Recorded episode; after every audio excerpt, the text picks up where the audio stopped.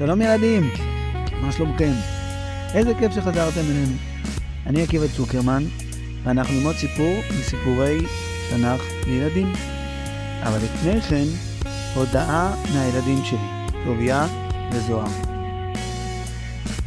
רגע לפני שנתחיל, אני רוצה להזכיר לכם שאנחנו שמחים מאוד על כל ילד וכל מבוגר שמאזין לנו. ואם אתם רוצים לעזור לנו, אתם יכולים לספר על הפודקאסט לחבר שלכם או לבן דוד שלכם, שגם הוא יקשיב לסיפורים. ויש עוד דרכים לעזור לסיפורי תנ"ך לילדים לגדול. אתם יכולים לדרג אותנו באפליקציה שבה אתם מאזינים. זה מאוד יעזור לנו. אפשר גם לתרום לנו כסף בביט או בפייבוקס. יש פרטים בדף של הפרק. רבים מכם תורמים ועוזרים לסיפורי תנ"ך לילדים לגדול ולהיות מקצועית יותר. תודה רבה לכולכם, ועכשיו לסיפור. בפעם הקודמת,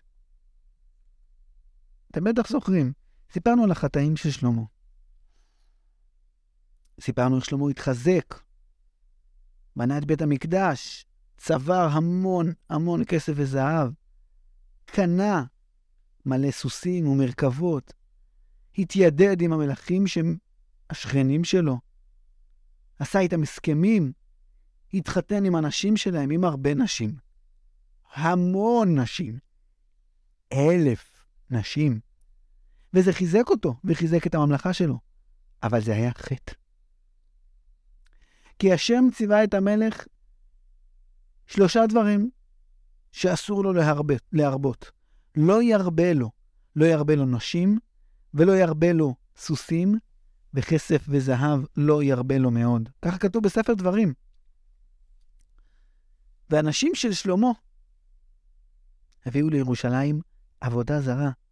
בנו מזבחות לאלוהים אחרים מול בית המקדש, בעיר הקודש, והשם כעס על שלמה. והוא התגלה אליו ואמר לו שהוא כועס עליו ושמגיע לו עונש. השם אמר לשלמה, אני דיברתי איתך פעמיים, והתגליתי אליך פעמיים. אתה זוכר? בפעם הראשונה כשרק היית מלך צעיר שהתחלת למלוך. בגבעון, כשעדיין לא בנית את בית המקדש. ובחלום שנראיתי אליך בו, ביקשת חוכמה. קיבלת חוכמה. ואמרתי לך, הזהרתי אותך לשמור את הברית של התורה והמצוות, שרק אז תתחזק ותצליח. ואחר כך באמת התחזקת, והצלחת, ופרחת, ובנית את בית המקדש. וכשסיימת לבנות את בית המקדש, שוב התגליתי אליך. אמרתי לך שאני אשמע לתפילה שהתפללת, ושוב הזהרתי אותך. אם אתה רוצה שהממלכה תחזיק מעמד ותמשיך, אתה צריך לשמור את ברית התורה והמצוות. ואתה לא שמרת.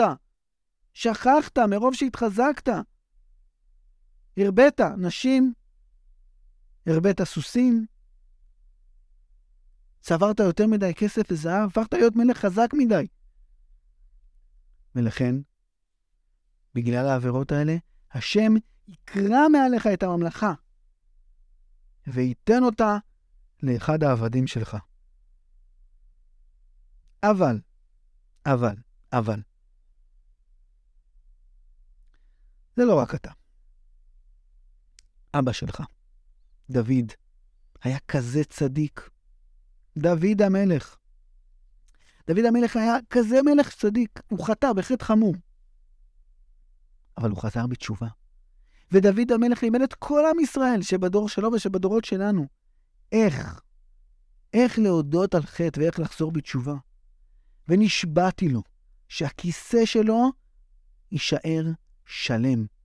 לכן, אם אני אקח ממך את המלוכה, זה בעצם כאילו אני שובר את הכיסא של אבא שלך, שהבן שלו מפסיק להיות מלך. ולכן, בגלל דוד אביך, לא בגללך, אני לא אקרא את הממלכה בימיך בעוד אתה מלך, רק בימי בנך, שימשיך אותך. רק אז הממלכה תקרא. ואני רוצה להגיד לכם, ילדים, רגע משהו, בשביל להבין אותו. חלק מאוד מאוד גדול ממה שהופך מלך למלך, זה לא מה קורה בזמן שהוא בעצמו מלך, אלא זה מה שיקרה כשהבן שלו יצטרך לשבת על כיסאו. למי ששמע את הסיפורים של ספר שופטים, ככה זה היה עם גדעון, שקרא לבן שלו אבי מלך, כי מלך זה מישהו שגם הבן שלו ממשיך אותו. וזה גם מה שקרה לשאול, המלך הראשון, אבל את זה, אם אתם רוצים, אתם יכולים לשמוע בסיפורי ספר שופטים, או בפודקאסט מתוק מדבש על ספר שמואל. השם אמר לשלמה, אני לא אקרא את הממלכה בימיך, רק בימי בנך שימשיך אותך. וגם אז, כשאני אקרא את הממלכה מהבן שלך, אני לא אקח ממנו את כל המלוכה. כמעט את כל המלוכה. אתה, שלמה, המלך של כל עם ישראל. אבא שלך, דוד, היה המלך של כל עם ישראל. כשהממלכה תיקרע, רוב עם ישראל ילך אחרי המלך החדש. ושבט יהודה, השבט שלך, שלך, שלמה, ושל דוד אביך, הוא יישאר עם הצאצאים שלך, מבית דוד ומשבט יהודה. לא בגללך ולא בשבילך. בשביל שניים אחרים אני אשאיר קצת ממלכה לכיסא דוד. בשביל שניים אחרים, לא בשבילך. בשביל דוד, אבא שלך, הצדיק, המלך הצדיק, ובשביל ירושלים, העיר שבה שמי שוכן, כך אמר הקדוש ברוך הוא לשלמה, והעיר שבה נבנה בית המקדש. הנבואה הזאת הייתה נבואה קשה. שלמה היה בשיא של המלוכה שאפשר להיות. הכי חזק, הכי מפורסם, הכי חכם, הכי עשיר, הכי נערץ, כולם רוצים בחברתו, כולם רוצים לבוא לירושלים, כולם רוצים לכרות איתו בריתות. ואז הגיעה הנבואה הזאת. פתאום התברר שהשיא הזה של שלמה יקרוס וייפול ולא יישאר ככה תמיד. שלמה לא שמר עליו. והתברר שכל הזמן, כל הזמן היו בעיות. התברר פתאום שהשיא הזה לא היה כזה מושלם. בעיות קטנות, מעצבנות, אבל היו. והנה הגיעה ההזדמנות לספר על הבעיות שליוו את הממלכה המפוארת, העשירה והחזקה של שלמה. והבעיה הראשונה שאני רוצה לספר עליה נקראה הדד האדומי. השם נתן לו קצת כוח, לא הרבה, הוא לא היה מלך מאוד מאוד חזק. הוא הפך להיות שטן קטן לשלמה, לגרום לו בעיות, אבל אתם בטח לא יודעים מי זה. בשביל להבין מי הוא ומאיפה הוא הגיע, אני רוצה לחזור אחורה לימי מלכות דוד, ומזרחה לממלכת אדום. אחת הממלכות השכנות של ממלכת ישראל, שהייתה אז ממלכת דוד, הייתה אדום. אדום הייתה ממזרח לארץ ישראל. בחלק הדרומי של ארץ ישראל, מול, מי שמכיר את העיר, אילת. מול אילת נמצאים הרי אדום. בדרך, בירידה לאילת, אפשר לראות ממזרח הכביש את הרי אדום, מול הערבה, מול ים המלח. אדום הייתה ממלכה קטנה, ששכנה בארץ מדברית. היה לה צבא, היה לה מלך, הייתה לה כלכלה וכסף, אבל קטנה. באותו זמן שאנחנו מספרים עליו, המלך בארץ ישראל היה דוד. דוד קיבל משאול, שהיה המלך לפניו, ממלכה חלשה, שהפסידה במלחמות לפלישתים. אבל מאז שהוא נהיה מלך, הוא חיזק אותה וביצר אותה. בנה צבא חזק, הביס את הפלישתים והסיר את האיום הזה אחת ולתמיד. אחרי כמה קרבות מוצלחים מול הפלישתים. ואז הוא התפנה להילחם עוד ועוד מלחמות עם הממלכות השכנות, וככה הוא הפך לאט לאט את ממלכת ישראל לממלכה חזקה ורחבה, שמתפרסת על עוד ארצות. אחד המלכים שדוד נלחם איתם היה מלך אדום.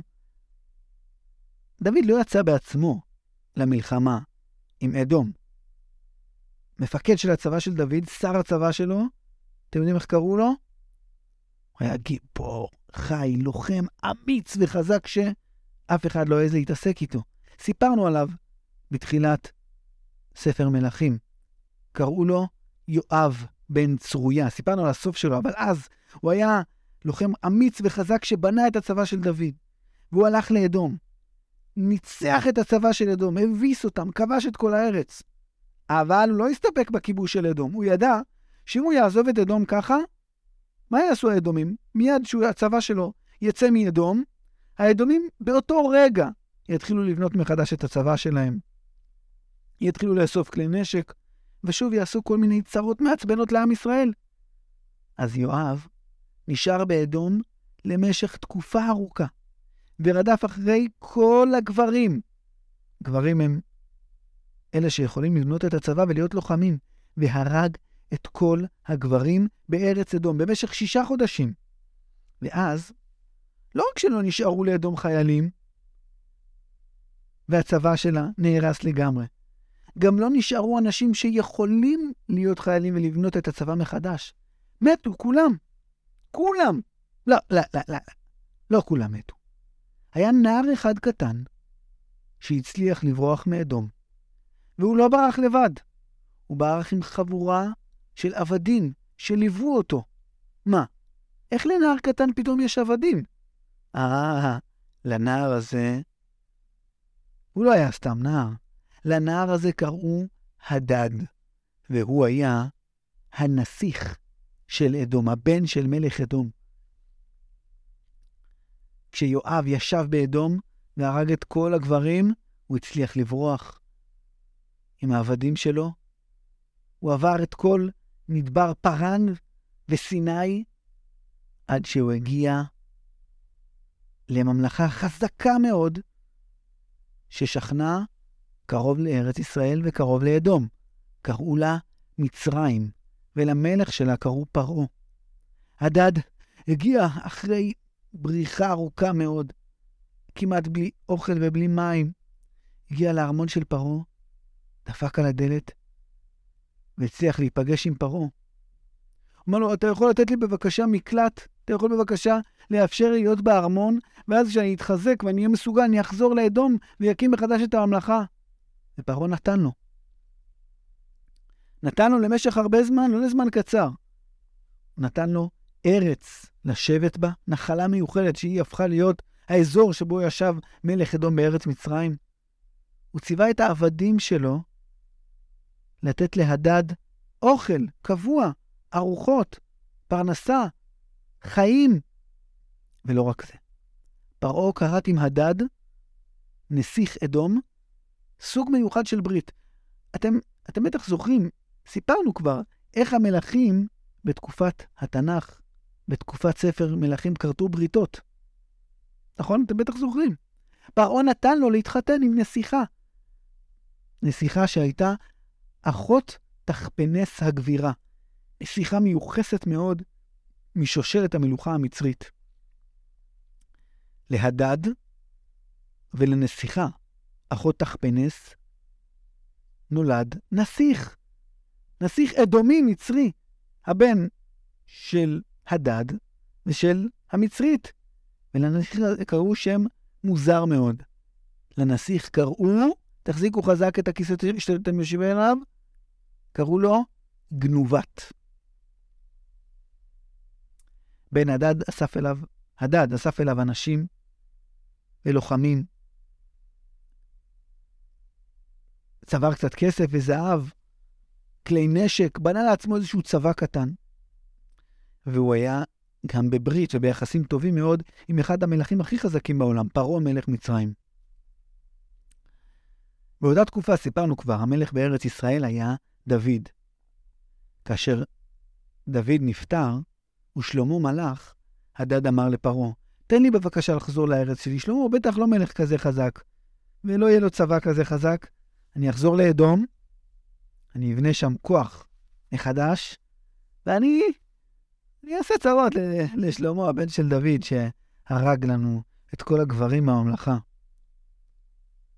פרעה שמע את הבקשה שלו ואמר לו, מבחינתי בסדר, אבל למה לך? אתה פה במצרים, אתה מקבל כל מה שאתה רוצה, אתה מקבל פרנסה, אני דואג לך. לא חבל? אבל הדד התעקש. מאת השם הייתה זאת, הוא רצה לחזור, פרעה נתן לו. פרעה שמר איתו על יחסים טובים.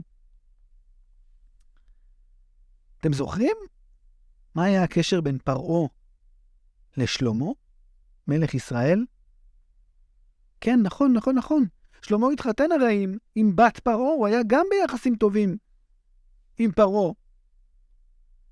פרעה מצד אחד עזר לישראל, ומצד שני, מאחורי הגב, הוא גם עזר לממלכת אדום, ושמר איתה על יחסים טובים. ההדד הזה, שחזר ממצרים לאדום, לא הקים אימפריה, והוא לא איים להשמיד את ממלכת שלמה, אבל הוא היה שטן לשלמה, עשה לו צרות. הוא לא שיתף איתו פעולה ולא נתן מיסים, וגנב כל מיני דברים ושלח כנופיות שעשו בעיות. אז הנה, כשהגיעה הנבואה של השם לשלמה, שהוא יקרא את הממלכה, מתברר גם שלאורך כל התקופה היו גם בעיות, והיו גם קשיים. היה עוד איש עם סיפור מאוד דומה. קראו לו רזון בן אלידע. גם הוא היה מין שטן קטן כזה. הוא היה מפקד בצבא של הדד עזר, המלך של ארם צובה. ארם זו ממלכה שנמצאת באזור שהיום נמצאת סוריה, שהיא נמצאת מצפון לארץ ישראל. לכיוון רמת הגולן. גם אותם דוד ניצח והביס את, את ארם צובה. שוב, לא דוד בעצמו, אלא שר הצבא שלו, יואב. וגם שם יואב הרג את כל מי שהוא יכל להרוג כדי שלא יקימו צבא ולא יתמרדו בדוד. וגם שם, אחד המפקדים בצבא של ארם צובה, קראו לו רזון בן אלידע, הוא ברח והצליח להימלט. הוא הגיע לעיר החשובה והגדולה, דמשק, ושם התחזק ואסף לוחמים, נשק וכסף וחיכה להזדמנות. וההזדמנות הגיעה ודוד נפטר ושלמה מלך, ומכיוון אדום הדד עשה צרות לשלמה, ומכיוון דמשק, רזון בן אלידע עשה צרות של שלמה. אז מכאן צרות ומכאן צרות. הממלכה של שלמה הייתה מאוד חזקה ומאוד עשירה, אבל היו לה בעיות, היה טרור, היו גנבות, היו פריצות לבתים, הייתה שרפה של שדות, ושלמה לא הצליח להתמודד עם כל הבעיות האלה. והיה עוד מישהו שעשה צרות קשות לשלמה, יותר מהדד, ויותר מרזון בן אלידע, וזה היה מישהו מעם ישראל, ולמישהו הזה קראו ירבעם בן נבט. אספר לכם את הסיפור שלו. בהתחלה הוא היה נאמן משלמה. ירבעם בן נבט נולד בעיר צרדה. לאימא שלו קראו צרועה. אל תצחקו. זה היה השם שלה, לא יפה לצחוק עליה. קראו לה צרועה. כשירובעם היה תינוק קטן, אבא שלו נפטר, ואימא שלו נשארה לבד, אלמנה, לגדל אותו. לאמא שלו לא היה הרבה כסף. היא התאמצה לעבוד ולדאוג שיהיו לו בגדים, שיהיו לו סנדלים, שיהיו לו... אתם יודעים מה היה הכי חשוב לה? לצרועה, האימא, האלמנה של ירובעם, אתם יודעים מה היה הכי חשוב לה? אל תצחקו. שהוא ילמד קריאה, כתיבה וחשבון. כמעט, לא כמעט, סליחה, אף אחד מהחברים של ירובעם לא ידע לקרוא. אף אחד מהחברים של ירובעם לא ידע לכתוב. אף אחד מהם לא ידע לעשות חשבון. 1 ועוד 1, 2 ועוד 2, 3 כפול 4, 12 כפול... ש... אף אחד לא ידע לעשות את הדברים האלה. לא היו הרבה מורים בכלל בארץ ישראל בתקופה הזאת לקריאה וכתיבה. ואימא של ירובעם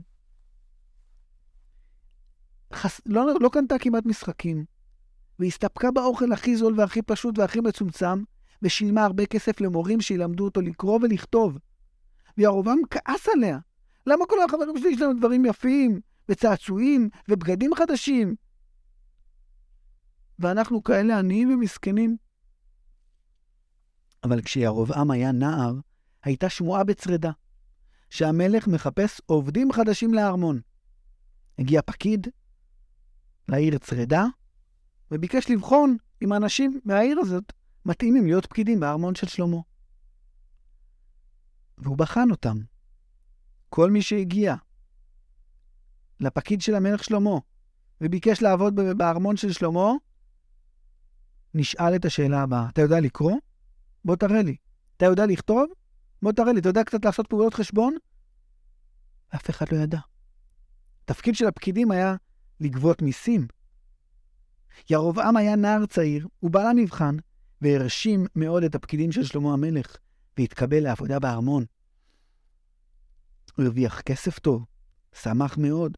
הוא קנה בית חדש, וחמור, בגדים יפים. הוא גם נתן לאימא שלו, האלמנה, כסף, ופתאום הוא הבין כמה זה היה חשוב שהוא למד קריאה וכתיבה וחשבון. ירובעם היה הרבה מאוד בירושלים. בהתחלה הוא מאוד התלהב. איזה עיר יפה וגדולה, עם בניינים ענקיים, ועם בית מקדש מפואר כל כך, וארמון המלך. הוא התלהב מהתיירים שהגיעו מכל העולם והאזור לירושלים. מהקניות שהיה אפשר לעשות בירושלים, מהסחורות. ירובעם קיבל מינוי בכיר מאוד. הוא הפך להיות גובה המיסים הראשי של כל שבט אפרים. אבל אז, לאט לאט, ההתלהבות שלו משלמה המלך ומירושלים התחילה לרדת. ירובעם ראה למה העושר הזה של שלמה ושל העיר גרם. הוא ראה את האנשים העניים, עניים מאוד אפילו, שהיו חייבים לשלם מיסים. לא היה להם כסף, הם כל כך התאמצו, לא היה להם מה לאכול, היו חייבים לשלם מיסים. איך אפשר לעשות את זה? ירובעם לא הבין. הוא נזכר באמא שלו, האלמנה, שבקושי נשאר לה כסף לחיות ממנו אחרי שהיא שילמה את המיסים לשלמה. ירובעם ראה גם איך הבנייה של שלמה הקשתה מאוד על האנשים הפשוטים. שלמה הציב את המילו בירושלים. שלמה רצה שלירושלים תהיה חומה גדולה ושערים, שאפשר יהיה לעבור בקלות, על דרך, על גשר מאוד גדול, מהעיר לכיוון המקדש. אבל בירושלים היו גם הרבה מאוד פועלים, שהיו צריכים כל יום ללכת לעבודה. עבדו מאוד מאוד קשה. כשמלכים רוצים לבנות גשר או חומה, וזה נמצא במקום שיש לאנשים בתים, אתם יודעים מה הם עושים? יש כל מיני פתרונות. הם יכולים לקנות את הבתים האלה, הם יכולים לעשות דרך עוקפת, הם יכולים גם להלאים את הבתים של האנשים הפשוטים. מה זה להלאים? להפוך אותם בהחלטה קשה ושרירותית לרכוש המלך, להרוס את הבית ולבנות שם גשר, חומה, כביש ודרך. וכששלמה בנה את המילו, הוא לא התחשב בכל האנשים הקטנים והפשוטים שגרו במקום. הוא בנה את המפעלים שלו, והרבה מאוד אנשים סבלו מזה מאוד. הוא חסם גם את המעברים לפועלים, ופתאום היו צריכים ללכת לכל מיני מקומות בשביל להגיע לעבודה. ירושלים הייתה עיר מפוארת ועשירה, שלאנשים פשוטים ועניים היה מאוד מאוד קשה לחיות בהם, סבלו מאוד. וזה הכעיס את ירובעם. הוא היה עשיר, זה לא פגע בו. אבל הוא זכר את ימי העוני והקושי שלו ושל אמו האלמנה צרועה. יום אחד, ירובעם יצא מירושלים לשליחות בשם ארמון המלך. הוא הלך לבד בשדה, מהורהר, וחושב, מה אפשר לעשות עם כל האנשים המסכנים והקשיים? פתאום נקרא אליו אדם מיוחד מאוד, שאמר לו משהו חשוב מאוד, ששינה את העתיד של ירבעם, ולא רק שלו, אלא של כל עם ישראל. מעניין מי זה היה. מה הוא אמר לירבעם שכל כך שינה את העתיד שלו? איך זה השפיע בצורה כל כך דרמטית על כל עם ישראל? מעניין. אנחנו נספר על זה. בעזרת השם. בפעם הבאה של סיפורי תנ"ך לילדים. תודה רבה שהאזנתם לנו. להתראות.